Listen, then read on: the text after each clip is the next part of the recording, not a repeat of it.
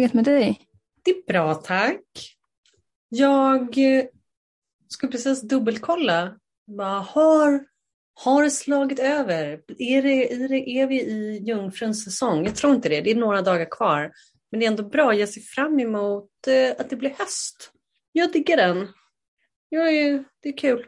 Ja, så vet du, jag gillar också hösten, men jag får lite separationsångest från sommaren. Jag känner ju det redan nu, som idag. Det är liksom sol här. Och jag får lite ångest av att sitta instängd. Jag blir så här, jag måste suga åt mig så mycket solstrålar som det bara går innan eh, vi blir helt uh, starved. Ja. Men jag håller med, det är jättefint på hösten. Det blir en helt annan typ av känsla. Ja, men du, det här, det här att vi blir starved på, på solen och sådär då, att eh, allt D-vitamin och du vet, i, i det här andliga också, att vi måste ha så solen och där, ah, därifrån all energi kommer och sådär. Efter ett tag sen så började jag kanske fundera i de termerna på att Alltså ljuset är ju liksom där hela tiden, även om det är i Norden eller liksom uppe den här, på den här delen av klotet. Är liksom inte är så strålande sol hela tiden och det blir vinter och du vet, alltså vi vet ju alla vad vi pratar om här. Men då tänker jag också så här, alltså om vi existerar på så många fler nivåer högre upp och våran liksom energetic body är mycket större och mycket mer än vad vi kan se och sådär. Borde det inte då vara 100% möjligt att bara bam, så här direktuppkoppling till solen och ljuset och all energi utan att vi faktiskt upplever det här nere. Alltså förstår du, inte det är typ en till begränsande uppfattning och tro om våra märklighet och vårt liv och våra egenskaper. Att så här, på vintern, ja, då blir jag så deprimerad för det finns ingen sol. Ja, absolut. Alltså det, det kan ju vara som du säger, att det är liksom på olika nivåer och jag tror att begränsat det kan ju vara en begränsad liksom, tanke att vi får allt därifrån, men samtidigt tänker jag att det är för att de flesta är ju på den fysiska nivån och, och ser inte liksom beyond det. Och på den fysiska nivån så behöver vi solen. Det säger jag inte bara för att det är skönt och fint, men liksom jag tänker på, jag odlar ju ganska mycket till exempel. Och det blir ju helt olika kvaliteter när jag odlar på vintern och på sommaren. Så jag menar bara, man ser ju det liksom i, i naturen. Men Absolut, och kanske typ den här hösten och vintern får bli lite så här som ett experiment. Att se om det kanske går att komma runt. Eh, ja, jo men eh, jo, ja, okej då, jag håller ju med om vad du säger. Men vi då, vi mm. då som kommit till en viss nivå eller är, som tycker att vi ibland kan ha liksom ställt oss aningen över bara den fysiska kroppen, borde inte vi kunna rise above? Jo men absolut, jag tänker också så här att jag tror ju inte på att vi är på den här delen av planeten eller platsen av en slump. Alltså det finns ju en mening med att vi är just specifikt här. Och ja. här, liksom, här ingår det att det är brist på sol. Och det kanske är som du säger, det kanske är för att utmana lite den här bilden av vilken roll solen faktiskt spelar. Ja, men du får mig tänka på en intressant sak också som jag gick och obsessade lite över. För att jag är ju född på vinters eller på solstilleståndet, säger man så? Du vet när, eh, alltså precis vid julafton. Ja, de här dagarna som är liksom de mörkaste dagarna på året. Och då så att jag tittade på det någon gång, vad är det egentligen astrologiskt liksom, som försiggår de där dagarna? Då insåg jag, eller då blev jag alltså varse att jordens bana runt solen, den är inte en så här perfekt cirkel. Nu skulle man behöva liksom det visuella, typ en graf här för att göra det här så tydligt som möjligt. Men nu försöker jag liksom get to the point. För då är det ju alltså så här att under sommarhalvåret, eller nu då det som precis har varit, det är egentligen då jorden är som längst ifrån solen. Bara det att på grund av vinkeln så har vi mer ljus nu här i Norden. Men sen om ett halvår då när vi har som minst sol, då är det alltså bara på grund av att vi vinklar oss liksom ifrån solen och därför kan inte strålarna nå hit. Men vi är egentligen i den stunden som närmast solen. Och det är alltså i den tiden som det andliga ljuset eller den andliga energin är som starkast och mest påtagligt. Så att även om vi du vet, typ uppfattar det som att så, ah, det finns mer sol och liv under sommarhalvåret så är det på något vis nästan tvärt om. Bara det att det mm. inte syns, du vet. Eller mm. just här i Norden i alla fall. Är inte det lite spännande? Jo, det är jättespännande och jag tänker att det blir väldigt så här, du vet när man pratar om så här yin och yang och allt det här, att det blir väldigt, allt blir ju så här paradoxalt på något sätt. Det är, så att det är mörkast då, men det inre ljuset är starkast och tvärtom. Typ. Exakt, alltså det, är, det är så lustigt alla de här grejerna. Det är så fascinerande, du vet. Alltså när jag, ja, när, när det började öppna upp sig i mig, du vet, jag bara what? Alltså vad är det för en värld vi lever i? Vad är kosmos liksom? Ja, allt sånt där ifrågasätts ju. Alltså, apropå vad är kosmos? Det är därför också jag tvekar lite på att säga att vi är på den här planeten. Jag har ju verkligen så här grävt ner mig i flat earth. Liksom. Yes. Uh, ja. Det är så himla intressant och jag vet att så fort man säger en sån, sån sak så tror ju folk att man är pantad eller liksom alldeles för flummig och out there. Även i de andliga kretsarna så har Earthers fått ganska mycket skit. Ja, det var riktigt um, dåligt rykte faktiskt. Ja, riktigt. jättedåligt rykte.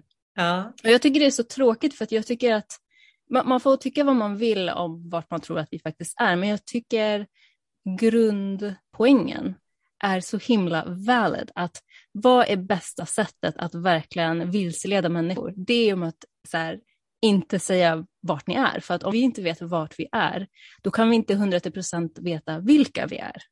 Ja visst. Alltså, och jag köper ju det.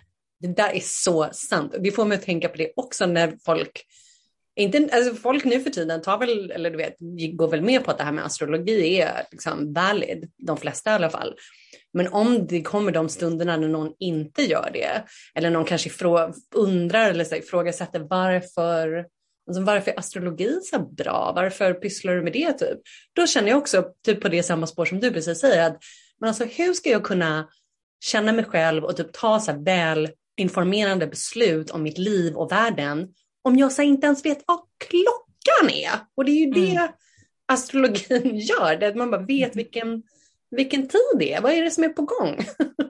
ja men precis det är ju verkligen en så här guldgruva när man väl på riktigt börjar liksom ta det på allvar. För även om jag har gått med på astrologi i väldigt många år, det har nog tagit några år innan jag på riktigt så här, jaha, nej men det är, det är inte bara flum eller det är inte bara att man råkar liksom pricka in rätt info om en eller något sånt där, utan så här, jo men det här kan faktiskt säga någonting om dig och vart du är på väg, men utan att stänga alla dörrar. Alltså man har ju alltid fri vilja till en viss nivå, men det kan ge ganska mycket ja, men värdefulla förklaringar till ens liv och ens livsväg. Ja, som jag gillar att säga, att det är, klockan eller man vet vilken säsong det är, liksom, vad är det dags för och så där. Det är helt rätt.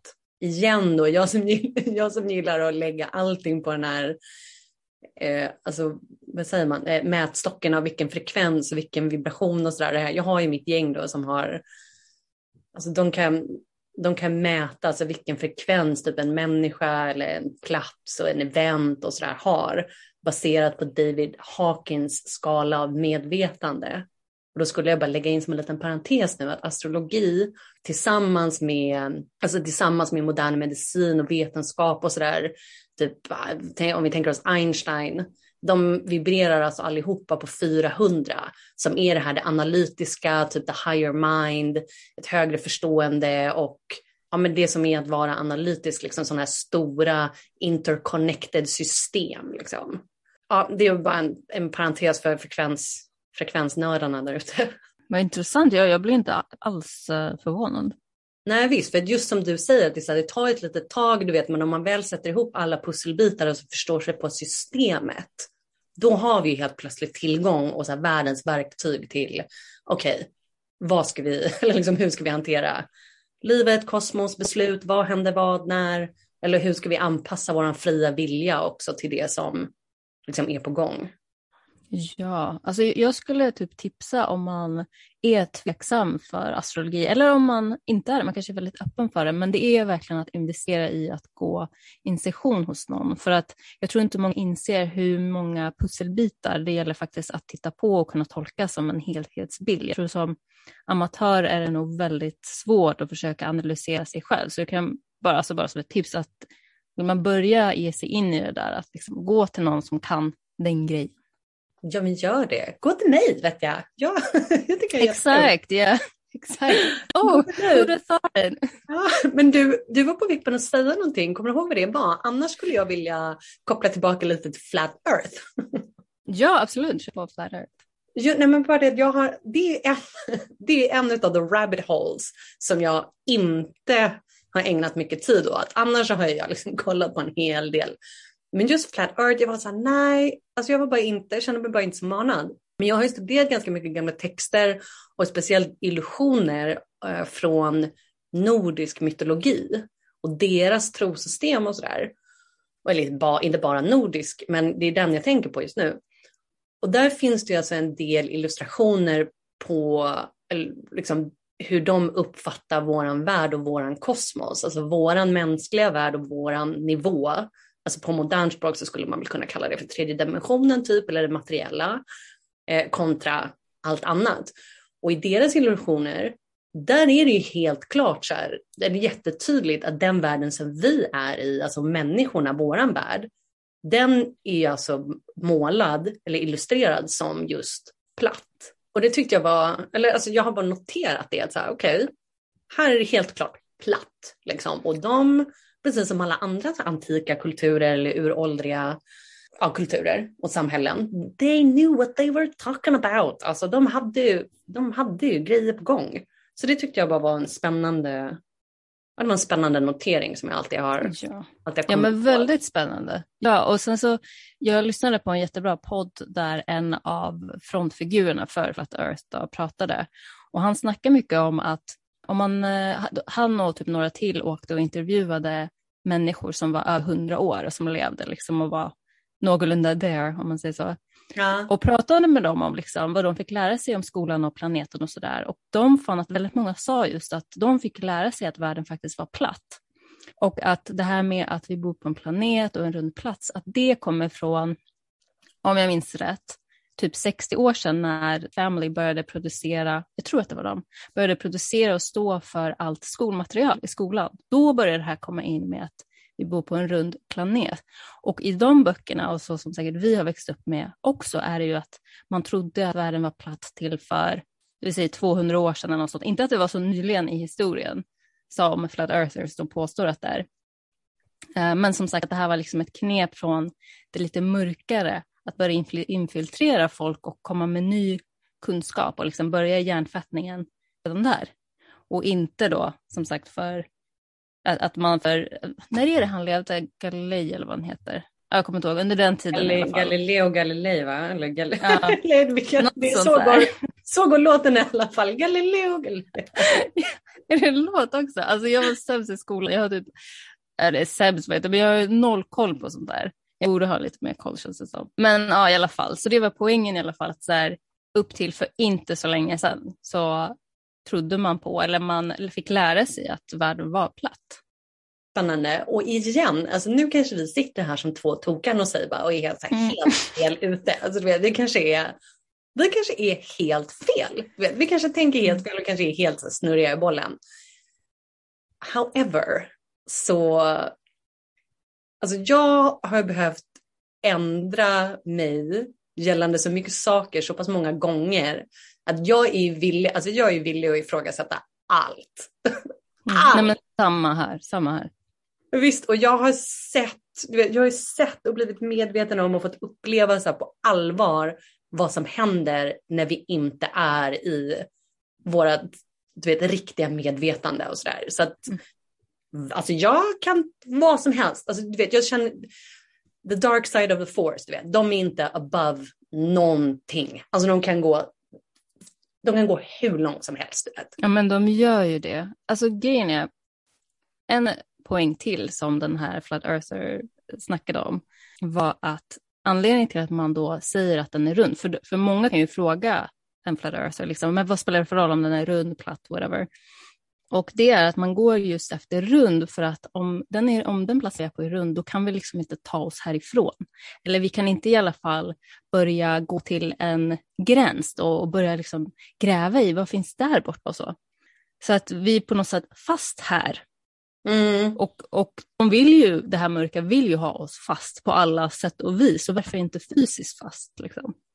Mm. Men du, det där får mig också tänka på någonting som är du vet, ibland så pratas det, det är väl kanske i religiösa kretsar mer, och jag vet inte ordet på svenska, men man pratar om att vi är i purgatory. Alltså den här mittemellan himmel och helvete typ. Just det. Och den illustreras också och talas om just som att the purgatory, den är också, det är också runt. Och Ah. att vi liksom är fast där på något vis. Men Gud vad spännande. Ja, just det. Och så skulle jag vilja bara tillägga en till liten parentes då på det här med flat earth. Det som är NASA. För Mm, det ryktas gud. också då. Det ryktas om att NASA, det här är inte sanning, du vet, om man söker på, eller sanning och sanning, jag menar det är inte 100 procent. Om man söker på nätet så kan man hitta lite olika. Men i dessa härliga andliga kretsar så ryktas det alltså om att NASA på hebreiska betyder bedrägeri, att bli lurad. Allt som NASA, eller allt som vi kanske har fått från NASA och sådär, det kanske bara är, alltså det kanske är lögn. Ja, alltså det är det den här, jag, jag, vet, jag kommer länka den podcasten till vårt avsnitt, för jag tyckte den var så himla bra, för han verkligen goes all in när det gäller massa, alltså han bara rips them apart, för att em, till exempel så tar han upp, det här är ju bara de sakerna som fastnar för mig, som jag tyckte var lite så här konstigt, är att de, när de har bilder på jorden eller någon stjärna eller något sådär, de skriver aldrig att det är ett foto, de skriver alltid this is an image image av bla bla bla, image av bla bla, för att de kan inte ljuga liksom rakt upp av att det här är inte ett faktiskt fotografi Mm. av jorden eller av planeten. Då. Vad är det mer de säger? Jo, de säger att när de bygger sina farkoster och allt det här, hur många olika typer av företag och organ- organisationer tror du är med i själva projektet av att bygga de här? Om du fick gissa liksom. Ja, men många.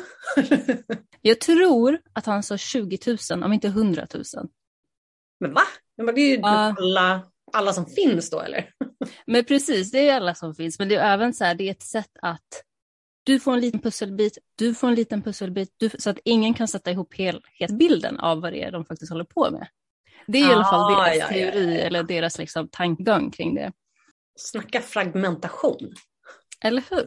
Du, det är dags att gå vidare. Det är dags att Ja. gå vidare till dagens riktiga tema. Stöd i partnerskap. Stöd i partnerskap. Jag tycker att det låter bra. Jag skulle säga att det som, eller min del, min sida från det hela, alltså jag har, jag har här liksom en graf typ, på de olika typerna av kärlek som män och kvinnor behöver. Oh, juicy. Ja. Just det. Och, och då om vi liksom kan förstå oss på det här, då har vi då det här stödet i vårt partnerskap som, som, som vi är ute efter. Eller som du säger. Stort tema det här med relationer. Eh, Men jag tänkte att om jag, om jag liksom kommer med det jag har här från min sida så får du ge respons eller kanske reagera på det. Så kan vi snacka lite om det hela och sen gå vidare till, till nästa punkt och sådär. Vad tror du? Ja, nej, men det låter jättebra. Okej, strålande. Vi vet ju det nu att alltså medvetandet har höjts. Frekvenserna på jorden har liksom höjts. Eller du vet, den mänskliga utvecklingen går vidare.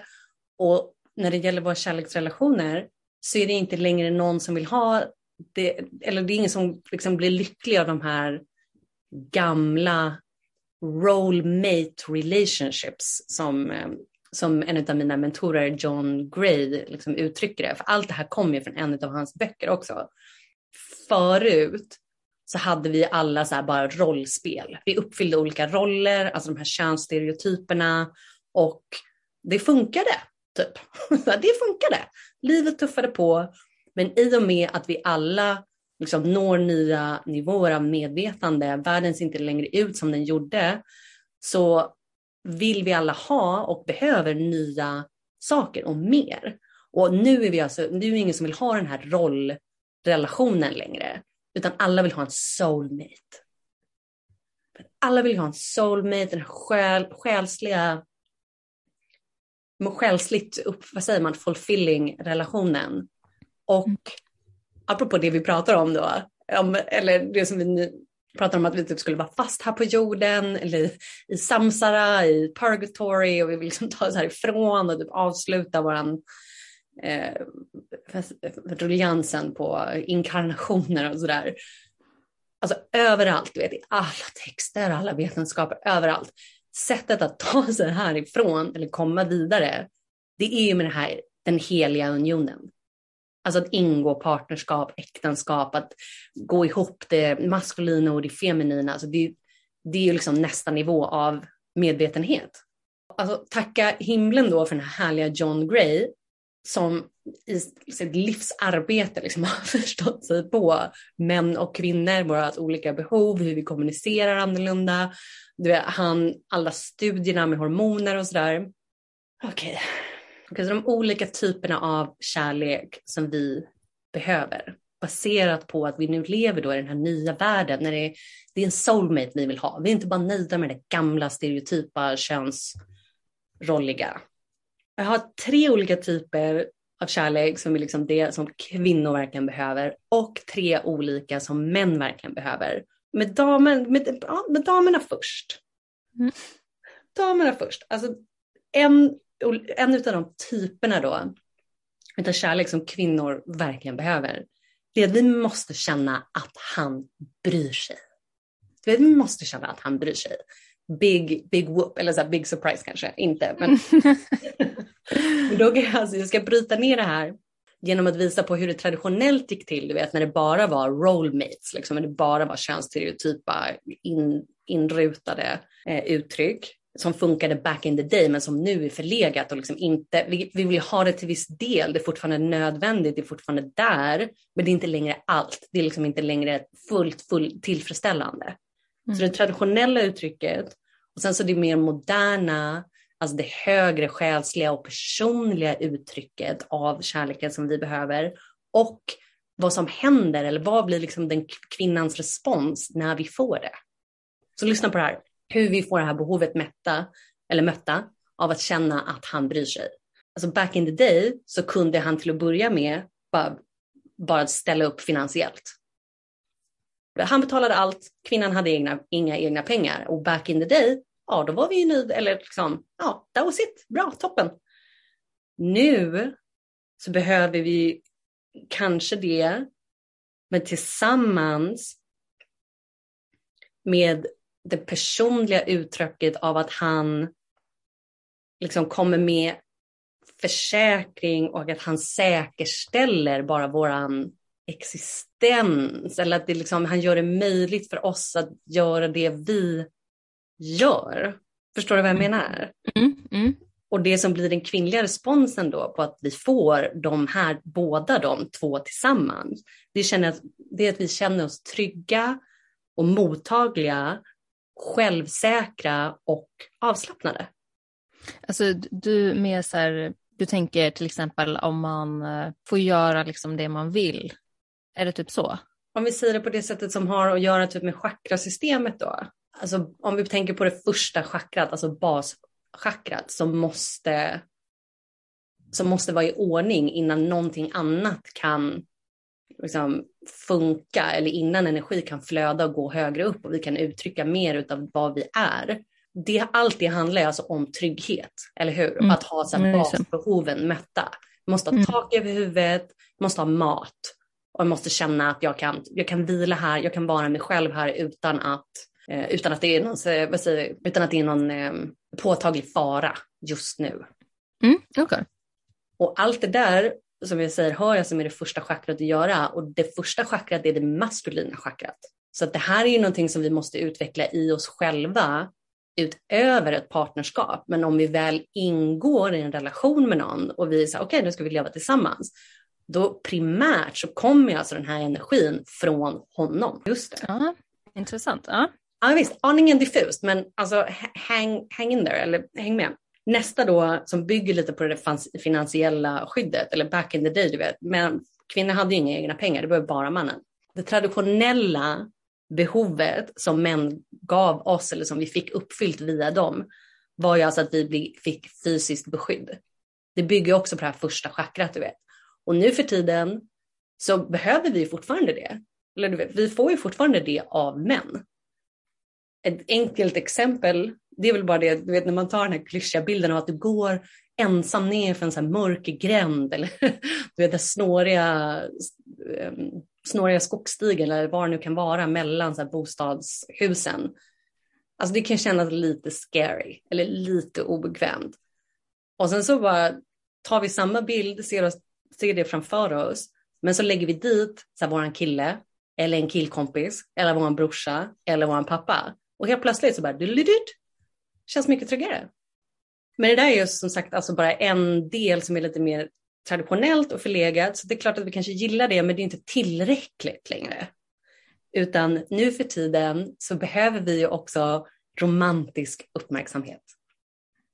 Alltså vi vill gå på dates, vi, men vi vill ha romantiken, vi vill mysa, vi vill bli sedda på det sättet och få den uppmärksamheten.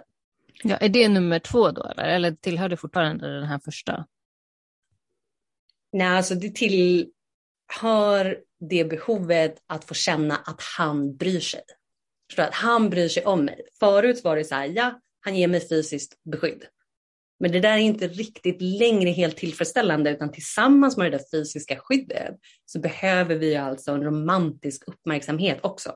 Vilket om vi får de sakerna leder till att vi känner oss mycket mer avslappnade och självsäkra.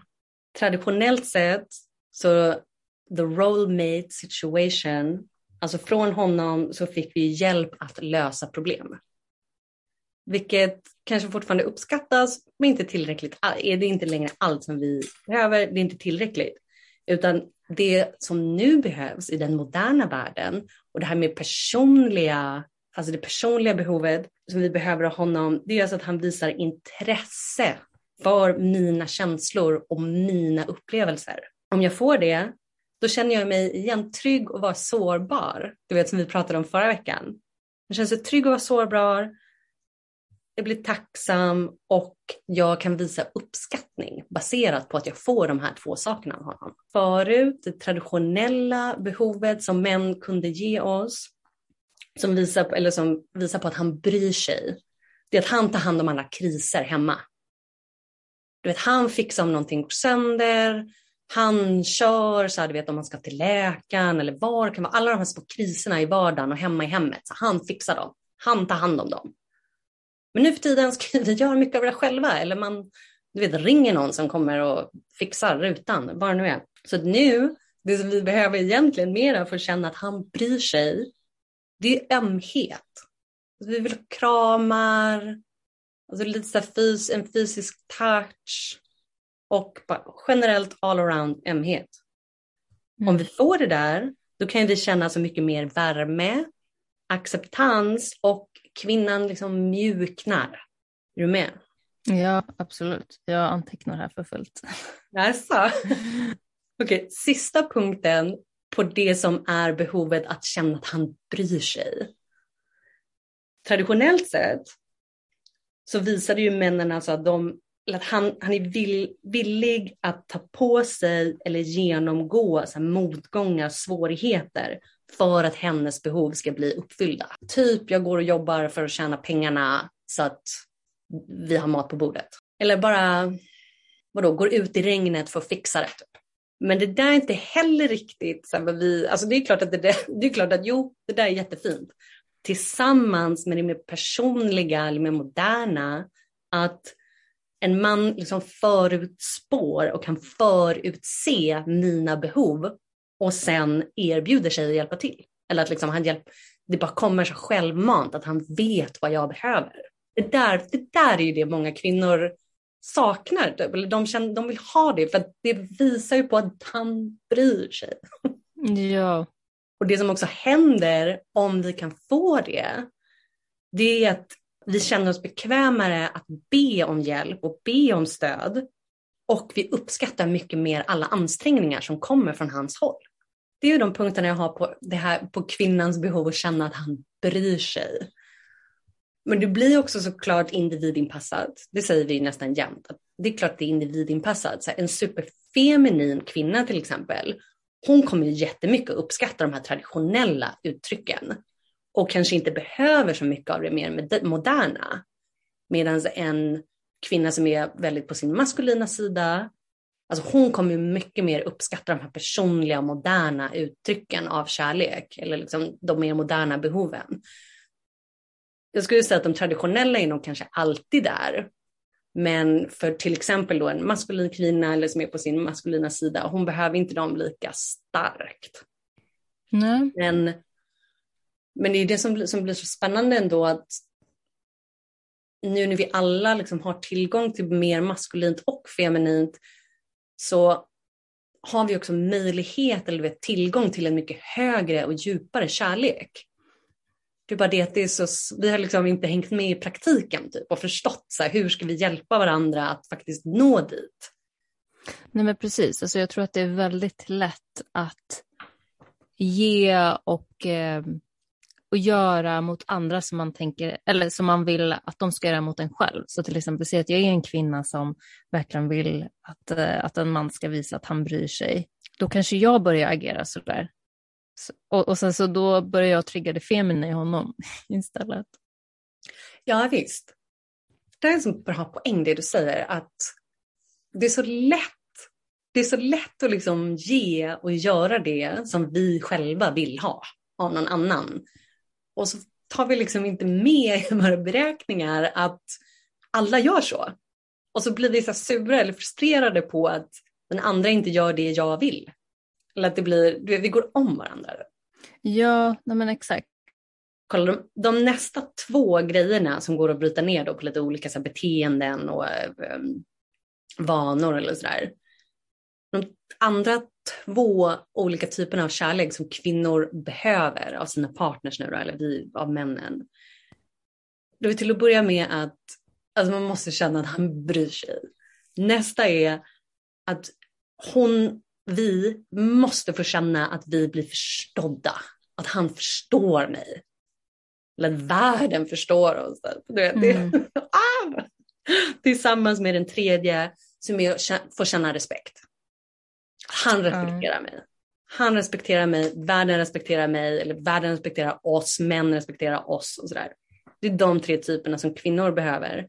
Men innan vi bryter ner dem eller går vidare, vilka vi nu väljer att gå vidare med, så kolla de tre grejerna då som männen behöver. Så de olika typerna av kärlek som män behöver, det är ju att få känna att hon och omgivningen liksom litar på att han gör sitt bästa. Bryter ner det där in a moment då. Men att han gör sitt bästa. Nummer två är att han blir accepterad som han är just nu. Och den tredje är att han behöver känna uppskattning för skillnaden som han gör. Vilken, vilken should we go into? Vi tar en Eh. av männens, vi tar en av männens kärleksbehov då, för att det ska vara lika. Ja, men det låter bra. Mm. Eller hur? Nu har vi snackat om att kvinnorna behöver känna att han bryr sig. Och så här då, och männen behöver känna att hon litar på att jag gör mitt bästa. Världen litar på att jag gör mitt bästa. Back in the day då, traditionellt sett, så fick han det här behovet mätt eller uppmött, säger man så, eh, av att hon liksom litar på och är beroende av hans finansiella stöd och hon ber inte om mer. Ja, han går och jobbar eller han tjänar pengarna, bara betalar för där hon bor, betalar för maten.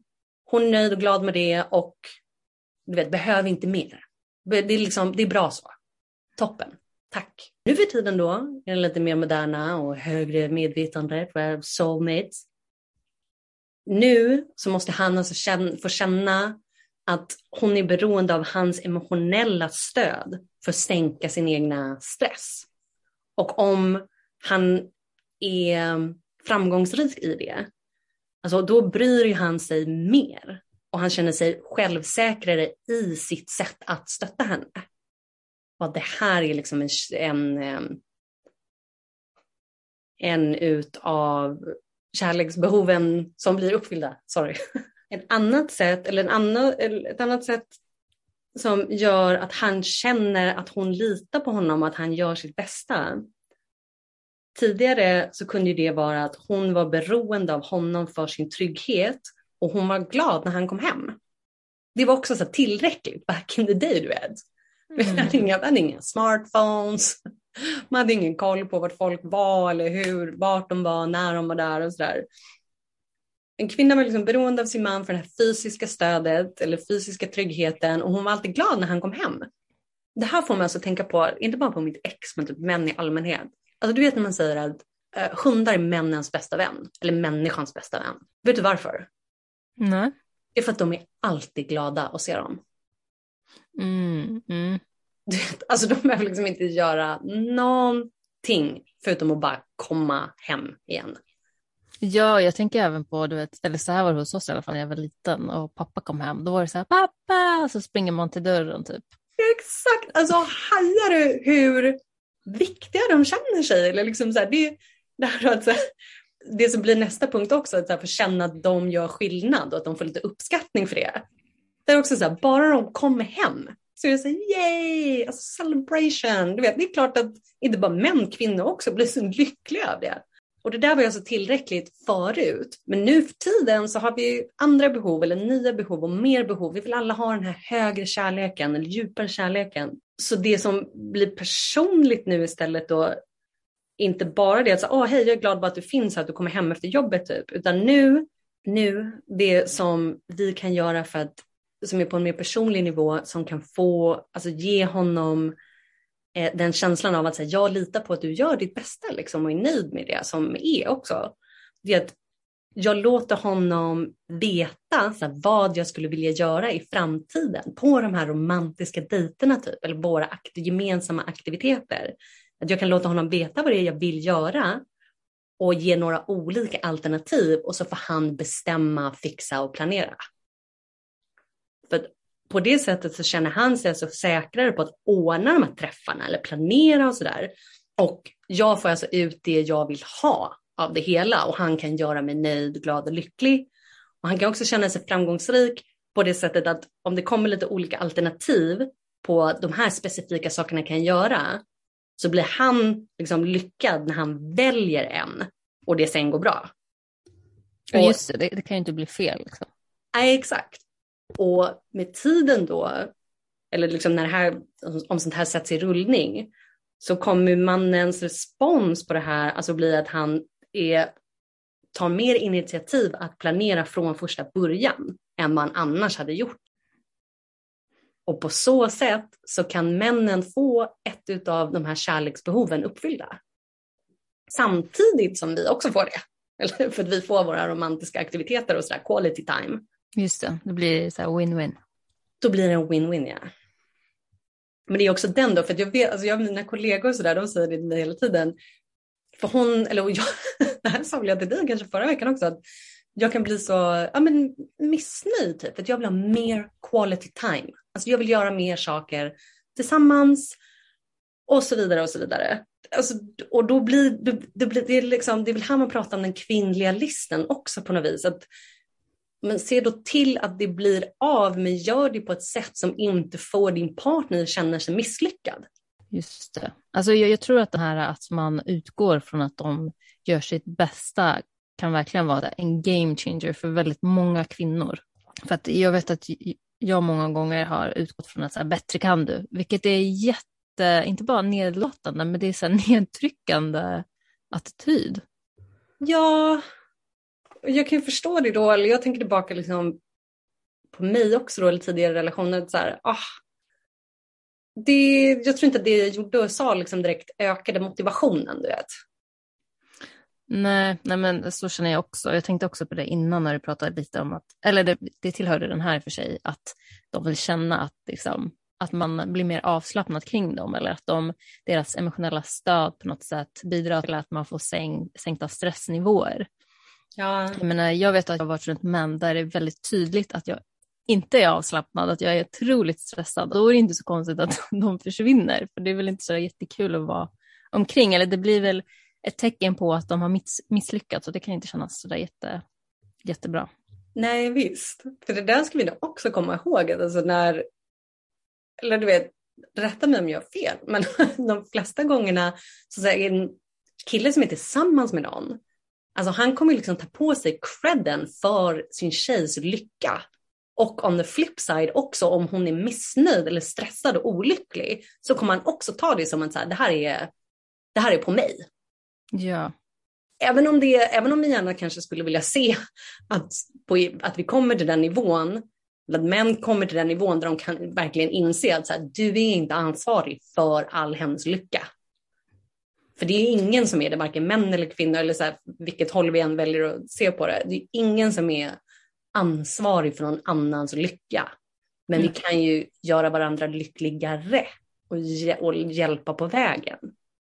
Ja men precis och sen så lite som du var inne på lite tidigare då att så här, det kan ju också vara så att personen gör sitt bästa men det blir inte rätt ändå för att det är bara inte en match. Alltså det, ju, det blir ju väldigt personligt också. Det behöver inte vara att en person är helt inte har liksom rätt verktyg och sådär för att ha en relation. Det kan bara vara så här, ni, liksom, ni matchar inte varandra när det gäller de här behoven.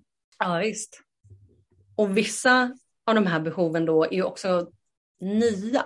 Alltså det som vi är inne på idag, de är nya och vi har inte nödvändigtvis lärt oss det eller så landat i det här nya medvetandet som vi är. Mm.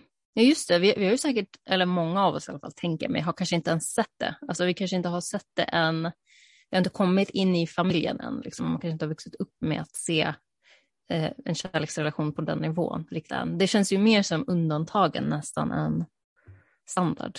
Eller? Ja, Vad tänker du? men jag håller med. Du eller när jag sitter själv typ och reflekterar på de här olika behoven, vad män behöver, vad kvinnor behöver och hur det liksom faktiskt visar sig i våra beteenden och kommunikationer och vardag och sådär. Så, och, alltså när jag började den resan så kände jag nog ganska mycket sorg över att det var som det var och blev som det blev i tidigare relationer. Men nu med den här nya killen så är jag typ, alltså jag blir bara, du vet för varje för varje sida jag läser eller för varje grej jag går, så här, går, eh, går igenom igen från mitt gamla material och sådär, alltså desto kärare blir jag i den här killen. Alltså han gör typ allting rätt. Det här är inte perfekt, ingen är perfekt. Mm. Men jag sa wow, alltså han, han, han är sänd från ovan. Ja, oh, nice. Ja, definitivt. Alltså, jag känner mig lyckligt lottad. Men okej. Okay. Ett annat av de här uttrycken då för, kring alltså, li, lita på att killen gör sitt bästa. Alltså förut, traditionellt sett, så kunde det vara att vi kvinnor, eller liksom, jag vänder mig till honom för att han ska lösa alla, sin, alla mina problem. Och jag förvänder mig till honom för att bli försäkrad om att alla problem blir lösta. Men nu för tiden så är kvinnor eh, lite mer maskulina eller vi har tillgång till vår egna maskulina sida och vi kan lösa våra egna problem massa gånger. Så att även om vi till viss mån vill ha det där så är inte det allt. Utan nu hur vi kan visa för våra män liksom, att jag litar på att du gör ditt bästa, inte bara genom att lösa alla mina problem, men på det sättet att jag får dela med mig av min dag och mina känslor. Inte för att problemen ska bli lösta, men bara som ett tecken på att ehm, eller som ett uttryck för intimitet. Och inte för att problemen ska bli lösta, du vet, utan det är bara det att jag delar med mig, öppnar upp mig. Och det som händer hos honom då, eller responsen på det där, inte att säga hej lös alla mina problem, men hej låt mig bara öppna mig, dela med mig. Är att han känner sig närmare mig, eller känner sig närmare henne och mer motiverad att sen göra henne glad. Alltså jag vet inte varför jag inte kan köpa sånt. Alltså det är verkligen någonting i mig som känner så här, det är väl ingen som vill sitta och lyssna på mitt vardagssnack. Förstår du vad jag menar? Jag är så inne i att då är jag hellre tyst, för att jag, jag kan inte förstå vad det skulle ge att sitta och liksom rabbla upp min dag. Ja, det är väl igen kanske spontant tänker jag att det är också individinpassat. Eller alltså du, du och din personlighet kanske bara, nej men Alltså, nej, jag gillar inte att göra det och jag förstår inte varför någon annan skulle kunna få ut någonting av det. Ja, det kanske, eller så är det typ att bara vänja sig vid, ja, jag får testa, jag, jag ska testa och bara prata typ för att dela med mig, inte för att det kanske finns en poäng eller Eh, att det inte, det, har inget, det behöver inte ha så mycket underhållningssyfte. Mm, jag försöker förtydliga det här för mig själv också i mitt egna huvud och för att det ska bli så bra som möjligt för dig som lyssnar. Men du vet, alltså förut när det var den här, du vet, kvinnor var så beroende av männen på alla sätt och vis. Så var det så här, hej, kom och lyssna på mina problem eller jag har ett problem och det är ditt ansvar att lösa det. Eller förstår du, det är liksom upp till dig att lösa mina problem. Men alltså nu för tiden så är det inte längre det, men att jag får dela med mig av liksom min, min inre värld, mina känslor och mina problem.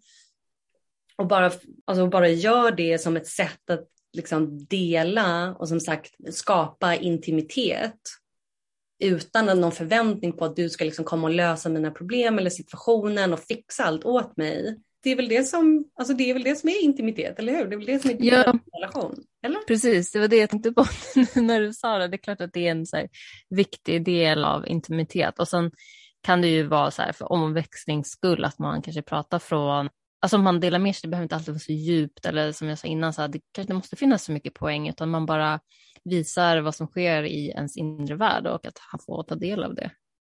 Ja visst. Och just och under den beteckningen då på alltså kärleksbehov som män har. Det är också så här, jag delar med mig till dig och jag litar på att du gör ditt bästa och du är här och liksom stöttar mig på massa olika sätt. Eh, men jag förväntar mig inte att du ska lösa alla mina issues. Liksom. Mm. Och att han på det sättet så här, du vet, känner sig närmare mig eller dig än sin tjej. Och också motiverad till att göra saker som han vet är liksom, upplyftande för oss. Mm. Mm. De gör oss glada utan pressen att så här, det är upp till dig. Typ bara apropå det vi nyss sa, typ om att män nog känner sig ofta ganska ansvariga för liksom, sin tjejs overall välmående. Just det, man kanske till och med kan säga det, eller typ även om, om killen bara, bara citattecken lyssnar så att så här, ja men tack för att du lyssnar, det känns redan bättre. Eller du vet något sånt där för att visa att så här, men du behöver kanske inte göra så mycket fysiskt att ta i, men bara att du är här och lyssnar, det är eh, tillräckligt. Ja, precis. Det är den jag, sen ska, för du vet, om vi till att börja med ska identifiera de olika behoven, sen får vi också då så här, hmm, hur ska vi, hur ska vi ta, ta oss dit sen? Som du säger, vi måste, vi måste prata om saker och ting. Och det för mig vidare till nästa punkt som alltså gav män, eller som uppfyllde en av mäns kärleksbehov tillbaka back in the day, då fick ju kvinnor eller alltså visa, kvinnor fick vara noga med att liksom uppskatta allting som han gör och allting som han har energi till, men också inte be om något mer. Utan bara nöja sig. Du vet, alltså bara tycka att det var okej, okay, det han pallade med och sen så bara klart, tyst. Nu för tiden, när behoven och våra önskningar och sådär har skiftat och det har gått upp till en högre, så får du ju där liksom kanske vara med men också samtidigt och eller som det kommer med det här med personliga uttrycket av att jag liksom ber om hjälp eller att hon ber om hjälp och så låter vi honom veta vad som funkar och vad som liksom inte funkar för mig men utan att klaga. Och hans respons på det då om vi lyckas göra det där, responsen från våra män, det är att han känner att det blir enklare och lättare att ge och till mig och vetandes, liksom han känner sig försäkrad på att de här små sakerna gör stor skillnad. Just det, jag har fått lära mig att ett sätt att när man ska liksom få fram vad man föredrar till exempel, eller vi säger att en kille gör något som inte känns sådär jättebra, att man kan börja lite med att, att liksom ge en heads up för att det är inte en stor grej det här. Det, är inte värsta grejen, men jag hade uppskattat om vi gjorde så här istället. Alltså, alltså förstår det... att man... Mm. Ja! Det är så bra tips. Alltså det där tipset har jag fått från andra och jag själv ger det till andra nu och, och du vet, jag försöker påminna mig själv jämt också om att använda det. Är precis som du säger. Om man bara, du vet, du vet den här klyschan när man bara älskling, vi måste prata. Du vet, männen, man känner ju hela rummet, männen bara oh F me, typ. vad, mm. vad har jag gjort nu? Eller så här, vad är problemet nu? Och det går så enkelt att liksom, ja men eh, vad säger man, lägga, lägga en kudde på det där, eller cushion it som man säger på engelska, att bara du, ingen big deal, skulle bara säga en sak.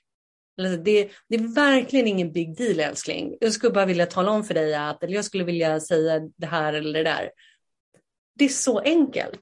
Bara för att så här, låta honom veta att så här, jag ska upp en grej, eller inte låta honom veta, men bara få, få sin kille att så här, slappna av lite. Ja, det är det som händer då. Och sen så tror jag allmänt att det är lätt att tro, eller jag känner igen det i mig själv också, att man kanske inte vill säga när något inte känns jättebra bara för att jag vill inte, jag vill inte göra dig upprörd eller så. Istället för att utgå från att han kanske faktiskt vill veta det. Att det, är inte, det, blir, det kanske är mer objektivt i hans värld när jag säger sånt än till exempel, för jag tänker att om någon skulle säga till mig så här, säger, jag gillar inte när du gjorde så här, jag skulle ju bli jätte så här, åh nej men gud förlåt, typ så. Och jag vill inte föra över en sån typ av känsla på en man. Och då utgår jag ju verkligen bara på hur skulle jag själv reagera? Istället för att utgå från att han kanske faktiskt vill veta. Han kanske inte alls kommer reagera på det, på det sättet. Det är så rätt. Och det går väl att tänka sig eh, det i andra situationer eller former också. Alltså, du vet när man bara generellt pratar om så feedback eller kritik.